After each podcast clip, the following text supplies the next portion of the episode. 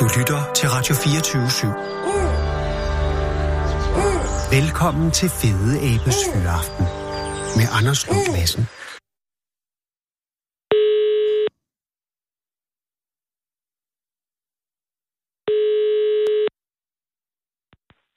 Det er Svend Musgaard. Goddag, Svend Mosgaard. Det er Anders Lund Madsen fra Radio 24 i København. Goddag, Anders. Og tak for sidst, Svend. Ja, tak. Øh, Vi havde en samtale. Vi havde en samtale, som jeg... Og nu er jeg måske lidt hurtig mere. Jeg, jeg føler, at den gik godt. Ja. Og, og, og, og der var masser af oplysninger i den. Og den havde et omdrejningspunkt, som var øh, din godkendelse. Nej, hvad var, hvad var emnet for opringningen? Det var, det var din vin, men var det i forbindelse med det, var det godkendelsen af... af Det var den første EU-godkendelse af kvalitetsvin i Danmark. Korrekt. Den vi kalder Bob-vine. Lige præcis. Øh, og, og, og det ligger jo lidt tilbage, men uh, den sag ligger, hvor den er, ikke? Altså, den, det er den... øhm, øh, det er faktisk en rigtig dejlig sag, fordi Ja. ja. det er sådan en sag med evighedsperspektiv. Hvis man først har fået den godkendelse, så har man den til evig tid. Den kan ingen senest tages fra en. Nemlig ligesom ytringsfriheden. I, ja, åh oh, gud, Svend, har du ret. Men, men, men øh, og det er jo nu, du skal høste frugten, om jeg så må sige, for den godkendelse, med den høst, der, der forhåbentlig kommer. Det er det jo, mm. og, og øh, det er jo faktisk øh, en af de første årgange, efter vi har fået godkendelsen, at vi skal være helt sikre på, at der kommer en god høst. Ja, og Det var det, lige der, ved at knibe. ja, det er jo derfor, jeg ringer, fordi at, at, der stod jo, øh, og, og det har været et, for, altså et dramatisk øh, forløb, forstår jeg.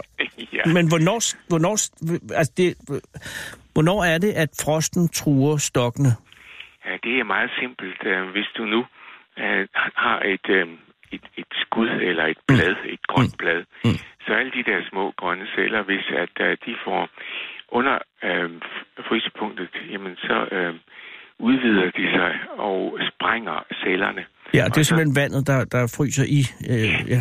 Og det, Og, og det er helt øh, digitalt, så at sige. Ja. Lige så snart man kommer under frysepunktet, øh, så, så knækker øh, cellerne, og så øh, går planten i stå. Mm. Øh, men den er klog, den plante. Den har dog et andet skud i bøssen, så den kan sætte det frem. ja. Men, men så går tiden jo, der går måske en måned, inden at den kommer i drift igen. Og, og så er sommeren simpelthen for kort på vores breddegrader. Ja, Og det er, jo det er vores det, det er jo den situation, du står i som vinbonde på Koldingegnen i, er det, er det weekenden eller er det sidste uge? Altså, hvor er det, at frosten Ja, vi, truer vi stokkene? er øh, tilbage øh, der, hvor vi plejer at tænde lys i vinduerne, Ah, fordi 4. maj. det er befrielse 4. maj, ja. Det er rigtigt. Øh, og det var den 4. og 5. maj, at vejrudsigterne sagde, at øh, der ville komme frost. Og frosten ville komme ned til øh, minus 2 til minus 4 grader. Ja, fordi jeg forestiller mig, hvis man lige går under altså halv frostgrad, ja, det, det, er også, det er jo et spørgsmål, hvor langt går frosten op, om jeg så må sige. Altså, den, Det er det hvor er det, frosten rammer? Fordi skuddene sidder vel ikke nede. De sidder i 60 cm højde. Okidoks. Øh, og øh, derfor, hvis der kommer lidt frost i jordhøjde med noget rim i græsset, det Ja. gør ikke noget. Det kan de godt overleve. Men når vi nu læser vejrudsigt, så ved vi jo, at det er i øhm, halvanden to meters højde, at de måler temperaturen. Ja. Og så er vi jo ekstra forsigtige. Men vil det sige, øh, at du allerede om eftermiddagen den 4. maj ved, at, at du skal gøre et eller andet? Altså, ja. er, er du, sikker, du er sikker på, at der vil komme frost, eller der efter al sandsynlighed vil komme frost? Jeg er sikker på, at der er risiko. Ja, Ja. og, og, og, og hvor lang tid har du så til at iværksætte en form for... Altså, for det første, hvor mange stokke har du, der skal beskyttes? Øhm, ja, jeg har øh, 20.000 stokke, Jesus. som står på øh, 7 hektar. Jamen, det er jo et, et mastodontisk arbejdsfelt. Øh, ja, det er så. Men der er det så sådan, at vi har erfaring. Vi har trods alt gjort det her i 20 år. Mm. Og øh, vi var så uheldige, at vi fik frost en gang i 2011. Og det er den eneste anden gang, vi har fået frost. Ja. Øh, og der er frost jo meget simpelt at regne ud. Øh, den lægger sig i de dybe steder, altså i lunkerne. Øh, og derfor så beskytter vi det, som ligger længst nede, og det, der er længst oppe, øh, det øh, har ikke nogen frostrisiko, fordi der glider frosten bare ned ad bakken og væk af den. Okay. Og det betyder, at ud af de der, uh, ud af de der 7 hektar, jeg har, Ja. der behøver jeg kun at beskytte uh, 4 hektar. Og har du... Det er stadig meget, vil jeg lige Ja. sige. Ja, Uh, det er- altså, Svend, det er jo ikke noget, man ligger... Og har du nogen... Altså, det beredskab, du har, det, eller det, du iværksætter på det her tidspunkt, er det et, som du har forberedt, eller er det et, som er, er, er det en improviseret løsning?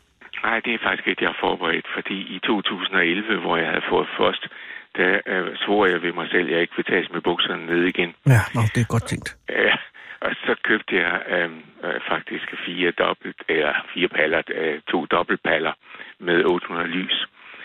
Og det er sådan nogle spande, øh, som rummer et stort lys, som kan brænde i 10 timer.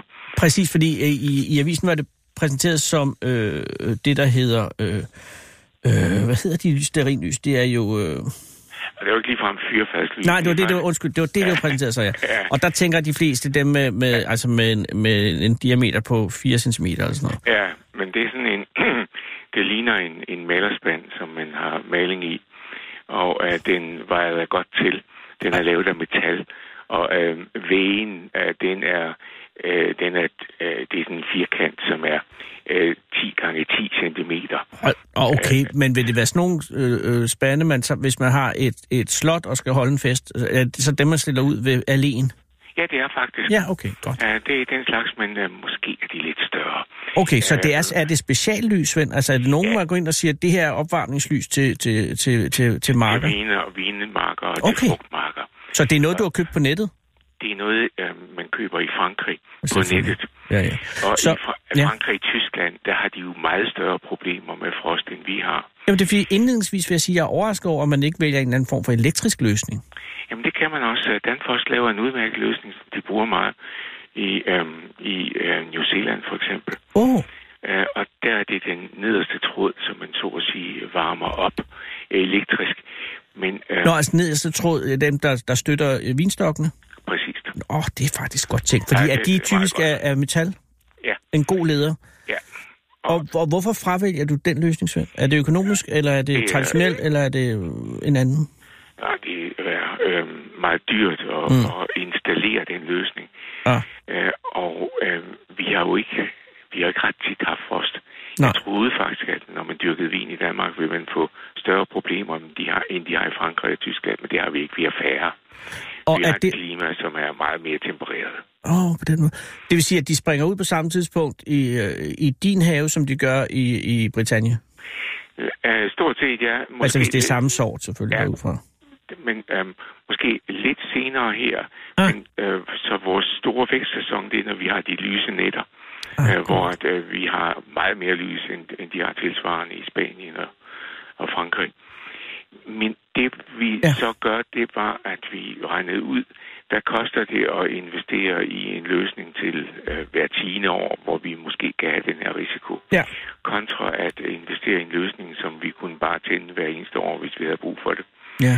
Og det sidste var meget dyrere, og lysningen med lys er øh, faktisk øh, den er meget anvendelig. Det er 200 lys, man bruger per hektar.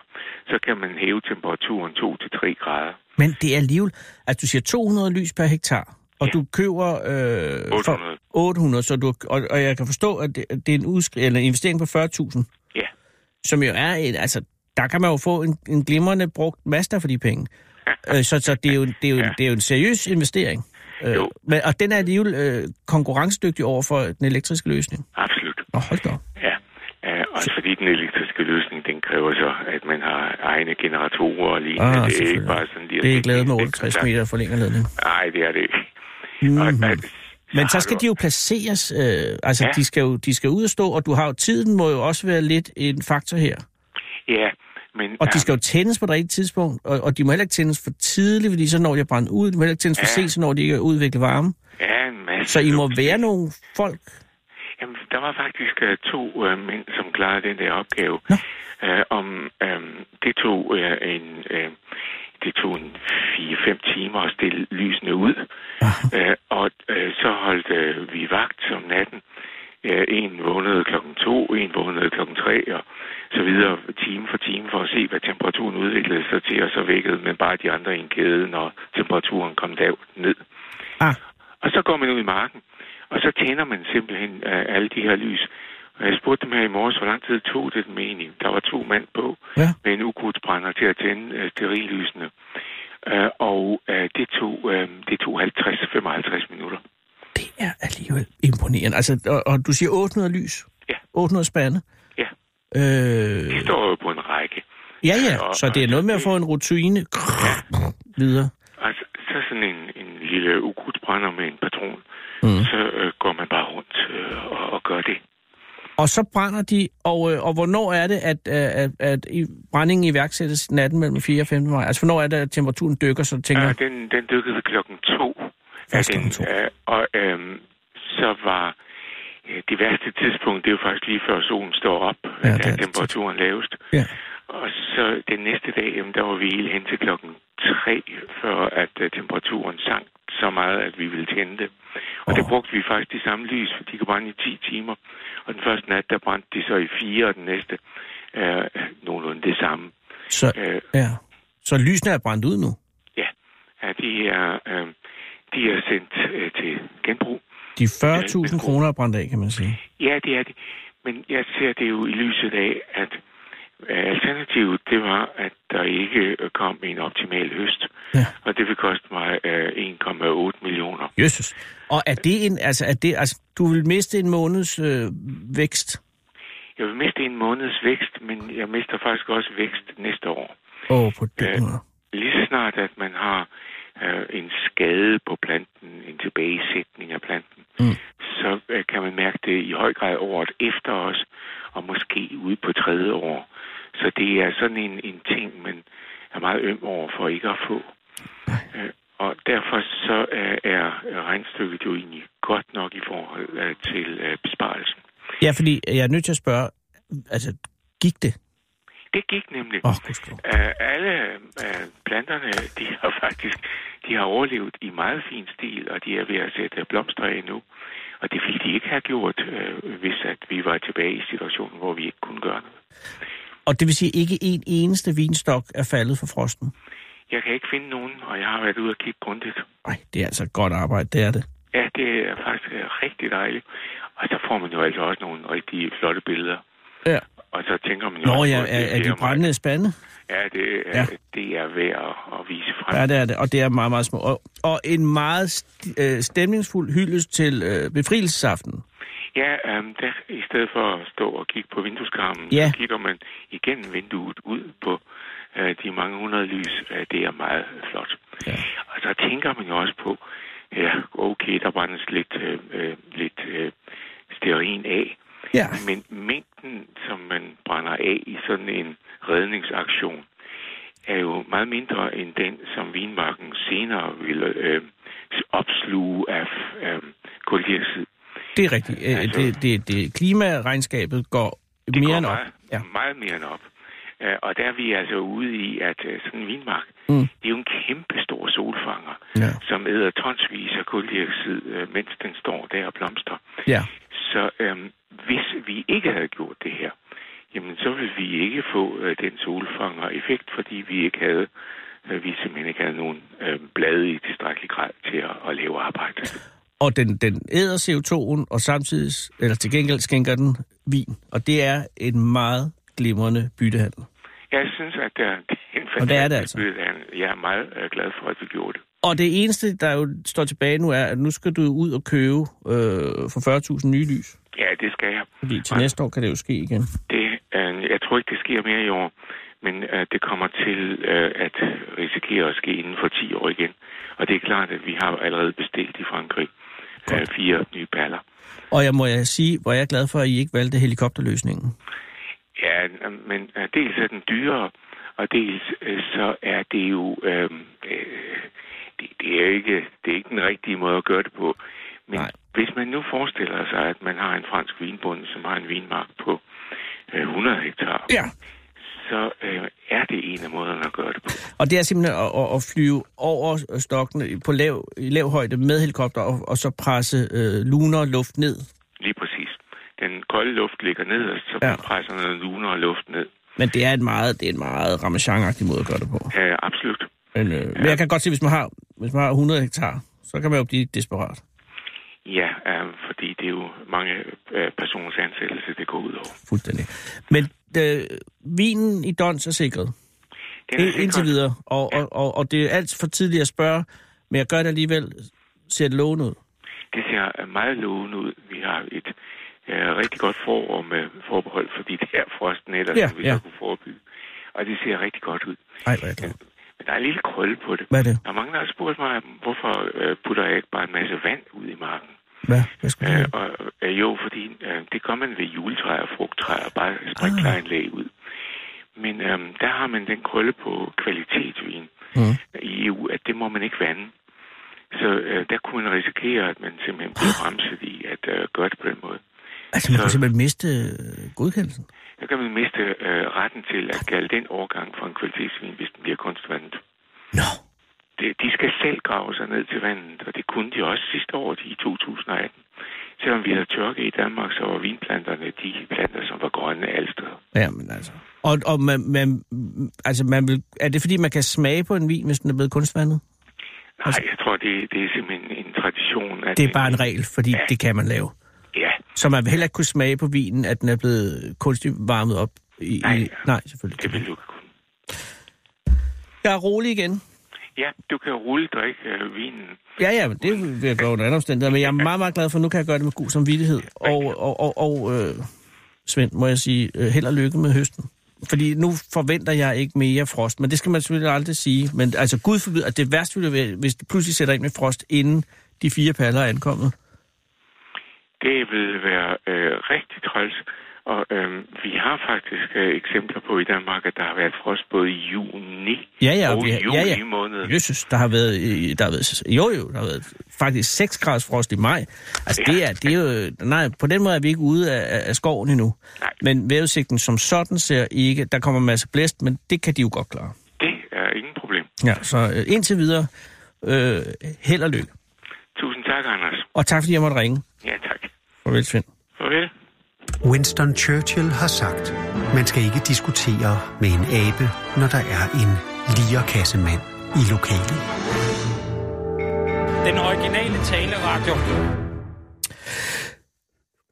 Kære lytter, i dag er det torsdag, det er den 16. maj, undskyld, 2019, og vi fejrer i dag 375-årsdagen for slaget ved Listerdyb. Åh, oh, slaget ved Listerdyb, hvor Christian den 4., det udulige kvejpande af en idiotkonge, havde en heldig dag, det må man sige. Han havde en både heldig, og må man vel også give ham en dygtig dag på broen af trefoldigheden, dette vidunderlige slagskib, hvor han ledte den danske styrke af ni, ikke mere end ni krigsskibe med i alt godt nok 292 kanoner til sejr, og jeg mener en knusende sejr over en ellers talmæssigt overlegen hollandsk flådestyrke på 22 skibe under ledelse af en Martin Tischen, der var sejlet op for at undsætte det svenske dumme svin og feltmarskal Lennart Torstensson, manden, der gav navn til selve den krig, der rasede på det her tidspunkt i 1644, nemlig Torstenssons krigen, som stort set gik ud på Europa og Danmark og gør det svensk. Og nu havde han taget Jylland. Det tog han i løbet af januar og februar. Ja, han tog faktisk allerede i januar. Så var han ligesom kørt fast. Og lige præcis den dag, den 16. maj 1644, i dag for 375 år siden, gik det godt for os. For svenskerne havde hidkaldt nogle møgskibe nede fra Holland, nogle fladbundede lortepramme, som også skulle kunne bruges til handel, når ikke lige der var krig, og de siger noget om krejlere. Nå jamen, så laver vi nogle krigsskibe, men de skal også lige kunne brære noget fragt, når ikke der er krig. Og det er jo det, der viste sig at være deres bane i dag. For det duede ikke imod trefoldigheden, som var et ægte krigsskib, der kun kunne bruges til at skyde andre skibe i smadder. Og i løbet af den majdag døde der ikke mindre end 800 mænd i farvandet omkring Rømø, før resten af hollænderne stak af ind på det fladvandede Vadehav, hvor trefoldigheden og kompagni ikke kunne følge efter. Der står to hollandske kanoner inde ved havnebyen på Rømø, som minder om slaget, og krigen endte jo galt, kan man sige. Sidenhen allerede i december, ja, og så mistede vi jo Gotland, og besiddelserne over ved Estland og Jemtland og Herjedalen over i Norge, og det aller værste var, det er smertefuldt der, at vi mistede Halland. I 30 år var det godt nok. Så I får Halland i 30 år, stod der i fredslutningsaftalen, hvilket vil sige, at svenskerne fik 30 års fri leg i Halland, som er det samme at sige farvel Halland og undskyld for styrelsen, og de nåede jo ikke engang at gå de 30 år, for det endte jo endnu værre. 12 år senere, da Christian Streng forsøgte at erobre et eller andet, bare et eller andet tilbage. Og god fornøjelse med det, fordi så tabte vi, åh oh, gud i himlen, alt resten så godt som. Altså, der var fanden fløjt mig tilbage. Svenskerne stod ved Københavns volde. Alt andet var underlagt. Og det var kun takket ved, at København og den bys frygtløse indbyggere, der nægtede at overgive sig tilbage i 1658, at vi overhovedet, at vi overhovedet har et land i dag. Og tak for det, København. Tak for, at vi findes. Og her taler jeg på alle borgernes vegne. Også dem, der har en hobby, der hedder noget i retning af Københavner-bashing. For en gang var der folk i den her by, som ikke stak op for bollemælk. Og det kan da godt være, at det er længe siden. Men det er deres skyld, at vi kan tale dansk og hejse Dannebro til værs i flagstangen siden for den blågule klud af en efterligning. Og nu skal jeg ikke komme for godt i gang, for vi er jo alle sammen venner nu, og lad os tale om noget andet. For bukkejagten er gået ind. Ja, og overalt falder der rådyr for jægernes havl på denne smukke, smukke dag. Også i Danmarks næststørste skov, Almeningen på Bornholm, hvor vor kronprins og forholdsvis direkte efterkommer af gamle Christian den 4 har været rigtig tidligt op i morges på kongeskibet Dannebro, der ligger i Rønnehavn, for at gå på bukkejagt og dermed opretholde den tradition, som hans far, prins Henrik, jo har gennemført igennem de seneste 50 år med blot tre undtagelser. Men året inden sit død sidste år skød han en fin lille buk, som han sagde. Og året inden skød han så ingen, men det var fordi, der næsten ikke var nogen, og det gjorde det faktisk var kun direktør Sobel, som skød en. Og Sobel skyder altid en, og hvis ikke der er nogen, så sørger nogen for, at der er nogen alligevel, og så skyder solen den, og sådan er det. Men nu, i dag, var det jo så knægtens tur. Og hvordan gik det så? Hvor mange dyr nedlag Frederik? Jeg giver hermed ordet til Bornholms Tidene med reportagen, der har overskriften Kronprinsen afgav ikke et eneste skud på morgens trofæjagt, og så siger han, det var bedre at skåne dyrene. Nedunder står der, Kronprins Frederik valgte ikke at skyde under morgens jagt i almeningen. Han er citeret for at sige, vi kiggede og så en del dyr, men jeg valgte at være selektiv, siger kronprinsen til Bornholms Tidene. Kronprins Frederik kom til Rønne ombord på Dannebro klokken 0.44 i nat og tilbragte derefter et par kølige morgentimer i skoven. Det er altid en stor ople- naturoplevelse at gå på jagt. Det er godt at se, at der er masser af dyr i skoven herover, både hun og han, men de er ikke store nok, så jeg tænkte, at det var bedre at skåne dem, siger kronprins Frederik til Bornholms Tidene. Jagtselskabet kunne fremvise to bukke på plænen foran Christianshøjskroen her til morgen. Og det er så slut på artiklen i Bornholms Tidene. Begge to kan jeg selv nok formode er garanteret skudt af direktør Sobel. Tillykke til ham, og så tillykke til Frederik, som jeg holder mere og mere af. Holder, jeg holder virkelig meget af ham. Og nu skal vi have en sang, som er god i de her tider, hvor der er så meget vrede og had og tænd og snissel. Hvis man har hørt den korte radiovis i dag, så ved man, hvad jeg mener. I det hele taget, hvis man lever i disse dage, så ved man, hvad jeg mener. Og der er kun et svar til alt denne vrede, og det kommer her.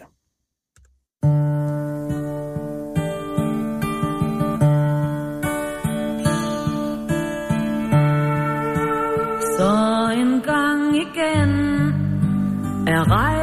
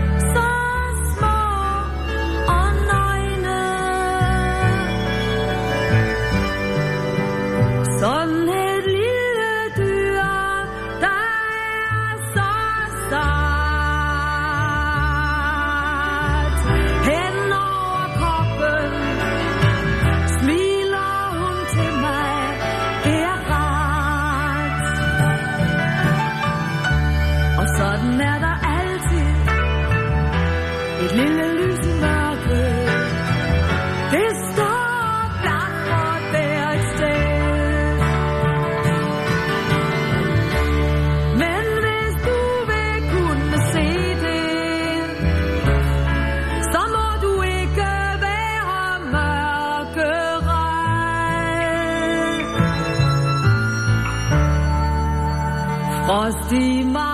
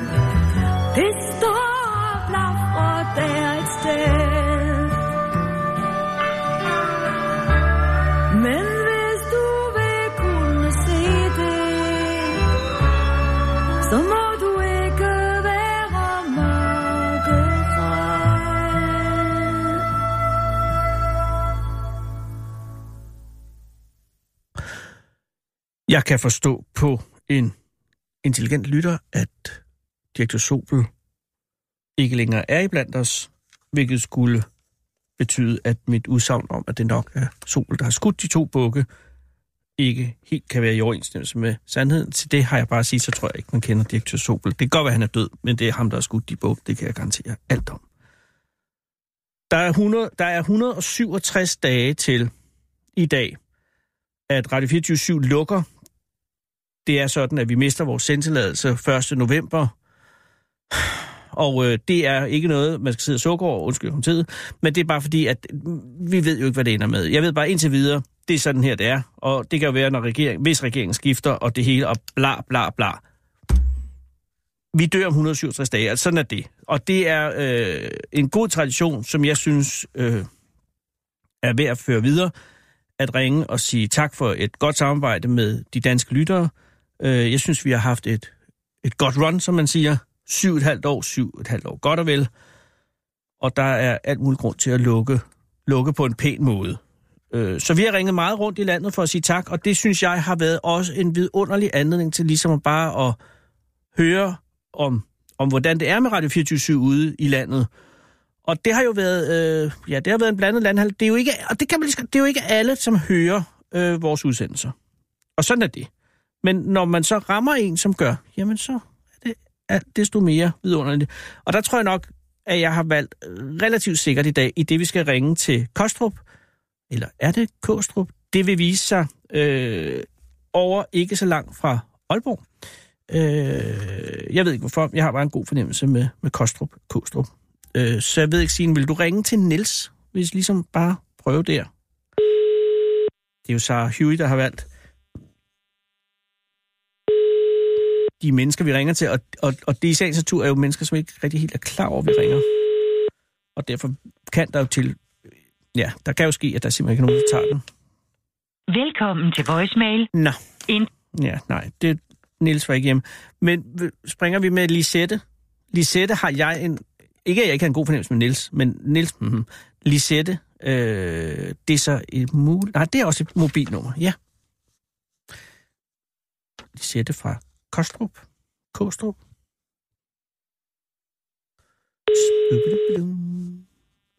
Og det er jo 167 dage. Det er jo altså...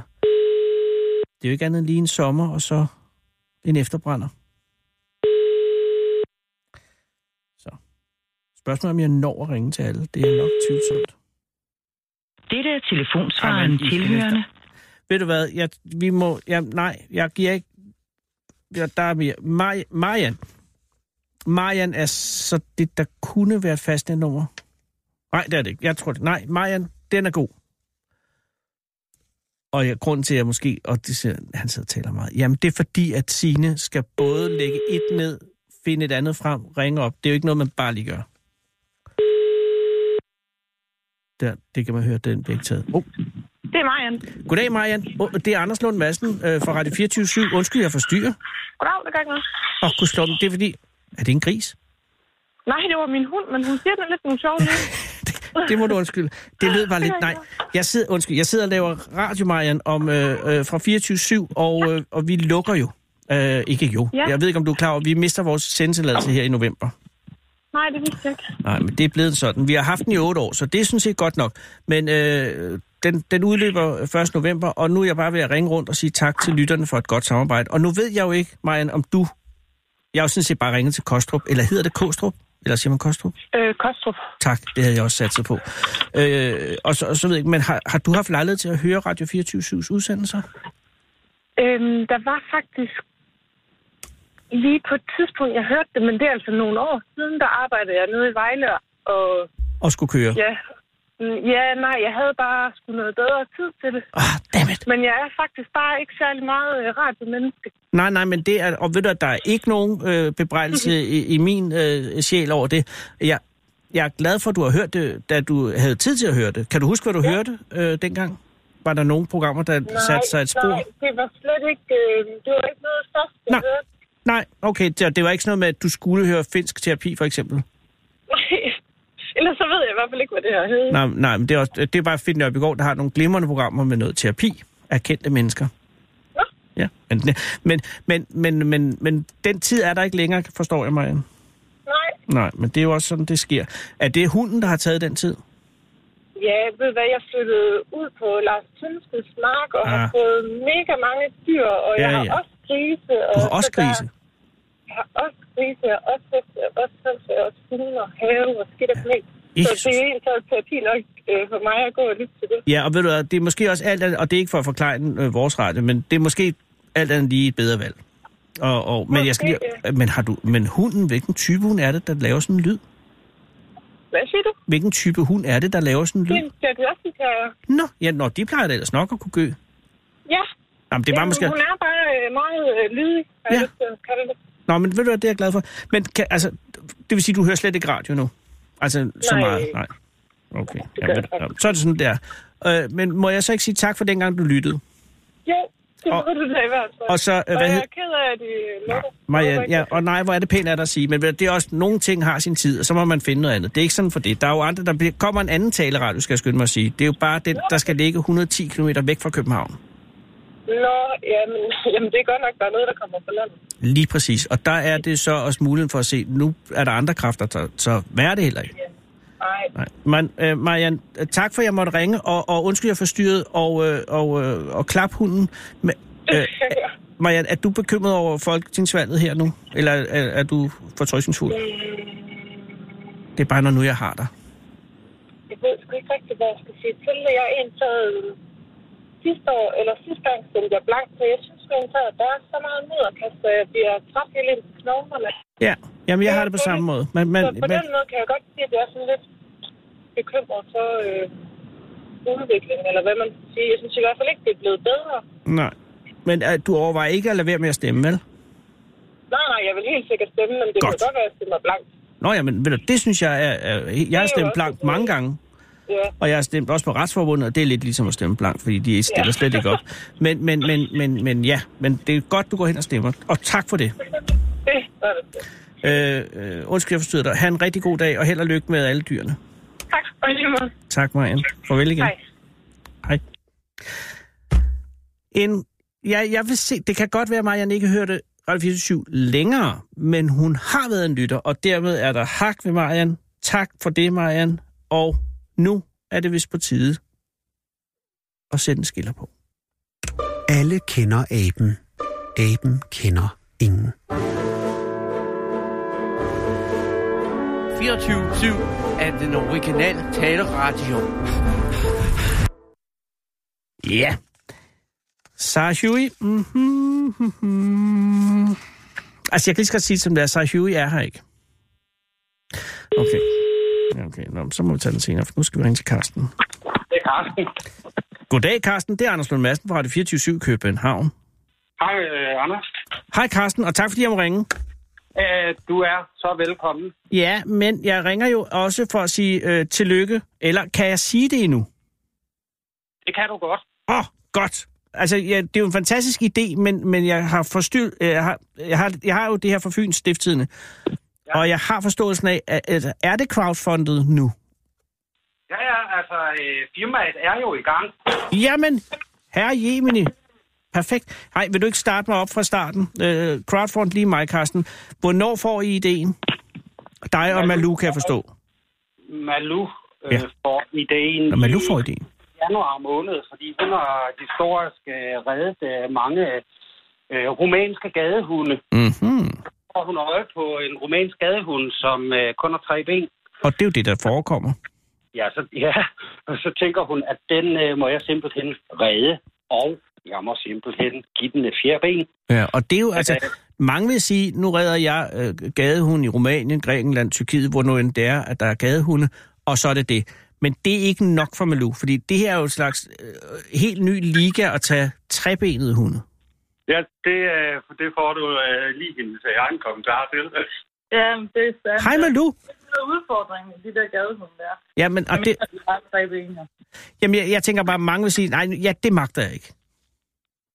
Nej, men hvis alle siger det, så er der jo ikke nogen, der gør noget. Det er fuldstændig rigtigt. Og, men, men, men hvor mange, altså ser du én trebenet hund i Rumænien, eller ser du, er det et tilbagevendende fænomen, som du tænker, nu, nu begynder jeg at tænke, der skal gøres noget ved det?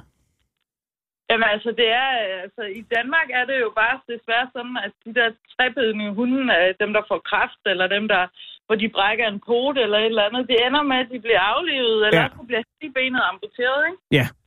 Øh, de fleste vælger at afleve, fordi dyrlægerne mener ikke, at det er etisk korrekt lade hunden leve med kun tre ben, og øh, det vil jeg gerne gøre noget ved nu. Fordi, Ja, og alle har set den hund på YouTube, som kun har to ben. Ja, lige præcis. Men det er også meget at tage den meget langt ud. Men jeg tænker bare, Malou, hvor, meget, altså, øh, hvor stort et fænomen er trebenet hunde i Rumænien? Hvor udbredt Ja. er det? Hvor mange har du Det set? Hvad siger du? måske 5 procent eller 10 procent eller sådan noget. Altså, det, det, det, er tit. Ja, det er tit. Og de redder jo dyrene.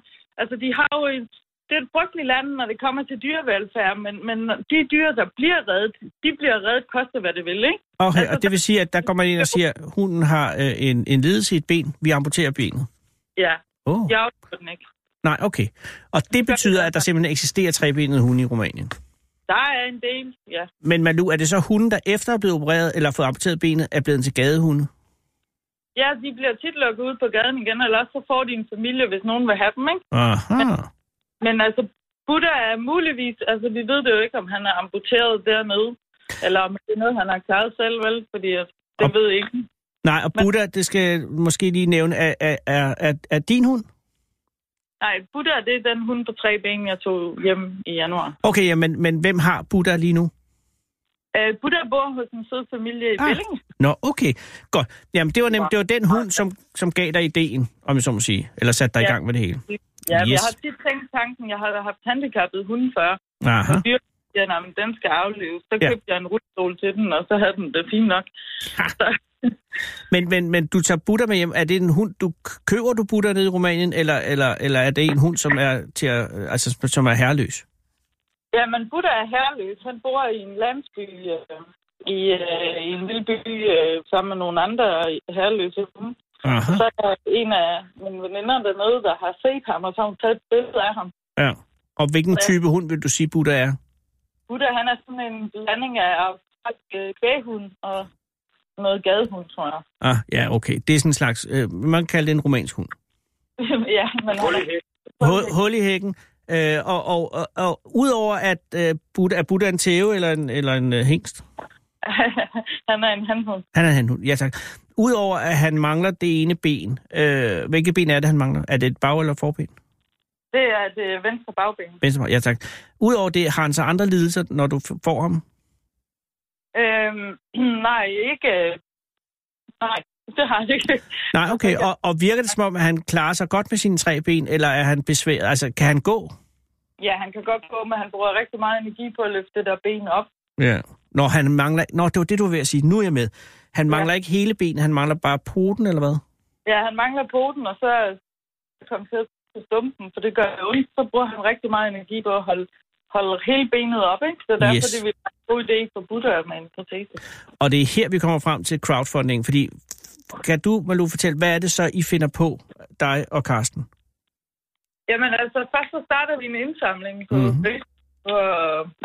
Øh, det, der, der var jeg sådan set stadigvæk øh, lige nu. Det var Carstens idé, men øh, det var stadigvæk mig, der, der, der, eller, der, der for Buddha på det tidspunkt. Så jeg besluttede, eller vi besluttede at lave sådan en indsamling, og det gjorde vi så. Så fik vi penge ind til en protese, Ja. og jeg fandt en, der kunne lave det. Ja. Øhm, og så tog det bare stille og roligt derfra, og vi tænkte, at det, det skal vi gøre noget mere i. Ja. Og hvor mange, og, og hvor mange øh, penge koster sådan en protese? Den koster omkring 3.000 kroner. Jesus, det er også... Ja, Så den også betalt. Og er det sådan en, øh, er det, det, det er en, der bliver øh, speciallavet til hver hund, ikke? Eller er det en standardprotese? Ja, Den bliver specielt lavet til hver Ja, det er selvfølgelig det, der får prisen op. Der er to slags proteser. Den ene er en justerbar, Mm-hmm. som altså de alle, for alle sammen bliver lavet til specielt lavet. Men, men den ene er justerbar, og den anden er, er lavet efter en støbning af, af ben af stumpen, ikke? Ja. Og så det vil sige, at, at de øh, penge, I samlede ind... Øh, oh, oh, de penge, I samlede ind til øh, Buddha, øh, ja. var mere end rigeligt til at give Buddha den øh, protese, som nu har gjort Buddhas liv bedre. Det var lige præcis nok.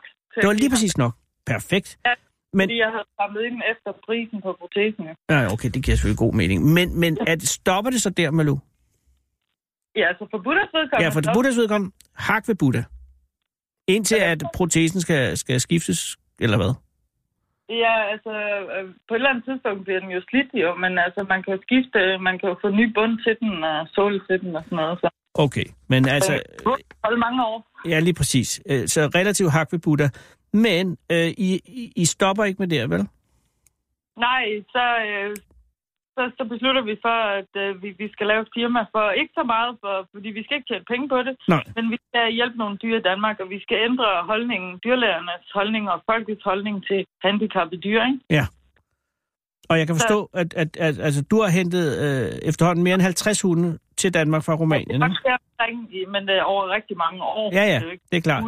Men, men du har også tidligere haft en, en, en dobermand, som brugte kørestol. Ja, jeg har også haft en lille rumænsk gadehund, der brugte kørestol. Og, og, og det må du lige forklare. Er det, er det, sidder hunden så bare i kørestolen? Ja, den sidder i sådan en øh, sele, værk, som så holder bagbenene op, og Nå. så, er den, så har den sådan en sele på foran, som så holder kroppen, øh, overkroppen fast i, øh, i kørestolen, og så kan man sætte forhjul på, hvis den har brug for det, eller bare nøjes med baghjul, hvis det er det, den har brug for. Og i tilfældet med, med Dobermann, hvordan, hvordan... Han havde kun brug for baghjul. Nå, okay. Så, men, men han var super glad for det. Så kan den indstilles, så hvis for eksempel det er en hund, der er under genoptræning, Mm-hmm. så kan man sætte den så lavt, så hunden stadigvæk selv skal bruge bagbenene for at gå. Og hvis det er fordi hunden ikke kan bruge bagbenene overhovedet, så følger der sådan nogle seler med, så man kan hænge bagbenene op. Det lyder som en god løsning. Det er en rigtig god løsning. Men jeg kan forstå på, på, på artiklen der i, øh, i Fyns Stiftstidende, at, at hvis man skulle lave de her proteser i Danmark, så ville prisen ligge omkring 15.000 kroner. Ja, hvis, du kan finde, hvis man kan finde nogen, der gad at lave dem, så vil det vel ikke op på omkring 15.000 ja. Men hvordan pokker det lykkes jer at finde og lave, at få lavet proteser til 3.000? Jamen, øh, jeg er jo så heldig, at øh, jeg har en rigtig, rigtig sød ven, som kommer fra Spanien. Hvis, Mm. øh, hvis Peter, han, øh, han Der- har lavet proteser i... Jeg har altid en fætter. Ja, Altså, det, så din, ven spanske, øh, din spanske vens fætter, ja, som har lavet proteser i øh, 30-40 år. Han har Ej. Altså hundeproteser eller bare proteser? proteser til heste, proteser til hunde, proteser til mennesker, hospitalsudstyr, alverdens ting. Det er alt- den perfekte fætter at have. Ja, det er så. Nå, men det er det jo, fordi det er jo, øh, det er jo heldigt, at så mange findes der jo heller ikke. Bandagister, eller hvad de hedder. Men, Jeg har ikke set i hvert fald. okay, og han har øh, leveret, øh, og, og, og, og Buddha er glad. Så, så, så fremover, øh, Malu, er det så, vil du så koncentrere dig om, om hunde med handicap i Rumænien, ja. eller er det bare, når de, når de sådan falder din vej? Nå, ja, men altså, den, øh, det er jo ikke, jeg kan jo ikke øh, selv, fordi det er jo selvfinansieret. Altså, at tage hunden hjem er jo ikke billigt, og vi har givet Nej. hunden til nogen også. Præcis. Øh. Så, så, så det kan jeg jo ikke, øh, jeg er på førtidspension, det har jeg jo ikke råd til. Nej, nej, nej. Nej, men jeg tænker bare fremover, hvis du tager på et tidspunkt til Rumænien igen. Ja, jeg har ikke været der, den, er- den kom med transport til Hamburg. Jesus. Men det er ikke kun handicappede hunde, jeg vil hjælpe. Det er, Det var det, jeg ville spørge om. Det var, jeg tænker på, om, øh, skal det være din ting fremover? Det siger du nej til. Ja, men, men altså herhjemme i Danmark er det handicappede, danske handicappede dyr, der er mine ting, ikke? Og der er det kampen, din og Carstens kamp for at forhindre, at de bliver aflevet med, at man stadig siger, at give dem en protese. Ja, lige præcis. Det er et spørgsmål om at, øh, at øh, ændre nogle værdier, ændre nogle holdninger. Øh, Ja. Det er jo det, vores øh, formål, og så hjælpe nogle dyr, og så er det jo en non-profit profit foretagende. Hvis, hvis der bliver et overskud, så, øh, så giver vi dem øh, videre til nogle øh, projekter vedrørende dyr, eller til nogle enkeltsager. Ah, Øh, så så vi, øh, det er jo en hjertesag for os. Det er ikke et spørgsmål om, at man skal tjene penge nej, på det. det forstår jeg. Og, og det synes jeg er dejligt. Og hvis man nu har øh, øh, et, et behov for at, og, øh, at støtte det her projekt, er det så stadig øh, via Facebook? Ja, vi vil primært øh, benytte de sociale medier, og Ah. så øh, kan man jo altid google dansk dyreprotese. Det var det, jeg ville spørge om. Dansk Ah. dyreprotese. Ja. Er det bare det, så kommer man hen til jer på en eller anden måde? Så finder man os. Dansk dyreprotese, jeg skriver lige, det hedder. Perfekt. Og øh, mm, mm, er der nogen i kikkeren? Ja. Ja. Har I nogen hunde i kikkerten? Ikke Ja. lige nu. Ikke lige nu. Den ene siger ja, den anden siger nej. En hund mere, der venter på at få en protese nu. Vi Nå. har jo fire ugers leveringstid på en protese, så den er godt en uge øh, inde i leveringstiden, så vi regner med om tre uger, så er den på vej til Danmark. Og hvad er det for en hund? Kan du løfte sløret? Jamen, det er sådan en lille romansk gadehund også, som bor i, øh, omkring Vejle med sin ejer. Nå, okay. Den er kommet til Danmark. Den er kommet til Danmark. Den mangler et forben. Og ved du, hvorfor den mangler et forben? Øh, nej, det ved vi ikke. Ja, der er også vand under broen. Den mangler et forben, og sådan er det. Dyreprotesen, eller protesen er på vej. Den er i Ja. pipeline, den kommer om tre uger. Ja, cirka. Cirka. Carsten, nu må jeg sige tak for jeres arbejde. Jamen, selv tak. Der er nogle hunde, der bliver glade, og det er det hele værd. Det håber vi. Og nogle ejere. Også det, fordi det er alt andet lige op ad bakke, han trebenet hund, der bare ligger, eller en, der bare ligger på en sofa, fordi den ikke kan gå. Ja, eller de står ude ved dyrlægen, og dyrlægen foreslår dem, at øh, hunden skal aflives. Øh, nu, har, nu, nu øh, er det vores øh, øh, formål at udbrede kendskabet om, at der er et alternativ.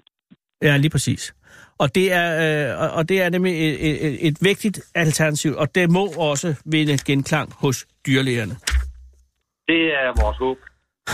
Held og lykke med kampen, Carsten og Malou, og tak fordi I gør det. Mange tak, og selv tak, og Og pas, ja, i lige måde, pas nu på jer selv. det skal vi forsøge på. Det er godt. Hej igen. Hej, Anders. Hvis du er bange for at blive spist af ulven, skal du ikke gå en tur i skoven. Men så går du også glip af at møde skovens konge. Fede abe. Den original Selvi Radio. Og kære lytter, hvis du har, hænger med stadig, og det gør du, hvis du hører det her, så vil du også sidde og tænke, hmm, hvornår man tager Huey kommer op med manden på gaden. Og der kan jeg sige, det gør hun ikke, for stakkels, stakkels Sarah Huey øh, sender en sms her lidt, ja, det var omkring klokken to, til øh, Signe Frederikke, som producerer dette program, og siger, jeg er ved tandlægen.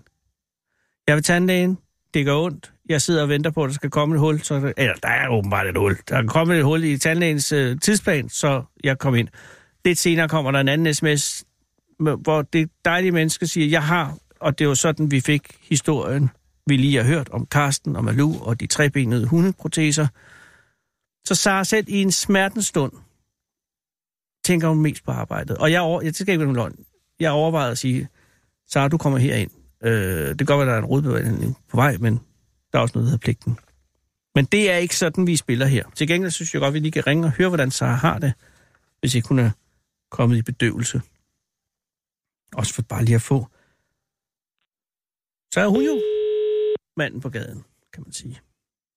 Ikke sikkert, hun tager den selvfølgelig, fordi hun ligger jo sandsynligvis med en eller anden form for tamponering i mundhulen. Så kan man da lige lægge en lille besked. Ja, nej, jeg vurderer, hun må være på en eller anden, en eller anden form for bedøvelse på det her tidspunkt. Ellers så havde hun taget det helt sikkert. 28, 4 Åh, oh, dammit. Ja, kan man lægge en besked? nu. Læg en besked efter tonen. Hej Sara, det er Anders Lund Madsen inden for Radio 24 øh, Jeg ringer for at sige god bedring. Øh, du er et af de bedste mennesker, der findes. Jeg håber virkelig, at den her rodbehandling bliver lavet ordentligt, ellers lover jeg dig, så fører jeg sagen fuldstændig til tops. Og du kan godt holde fri i morgen. Og det er så også fridag, men altså. Sådan det. Hold fridag til, vil du hold til på mandag. Høbsen. Hej. Men det betyder jo, at der er tid til mindeordene. Og mindeordene indledes således. Da Ellen Bådsgaard Sirsbæk blev pensionist, smed hun sit ur væk. Mange, der har kendt Ellen Sirsbæk, blev berørt og fascineret af det menneske, hun var. Hendes bekendtskabskreds var stor, og hendes mand Børge har ofte sagt om hendes fødselsdag, at de var en sand folkefest på grund af de mange breve, besøg og opringninger, hun fik.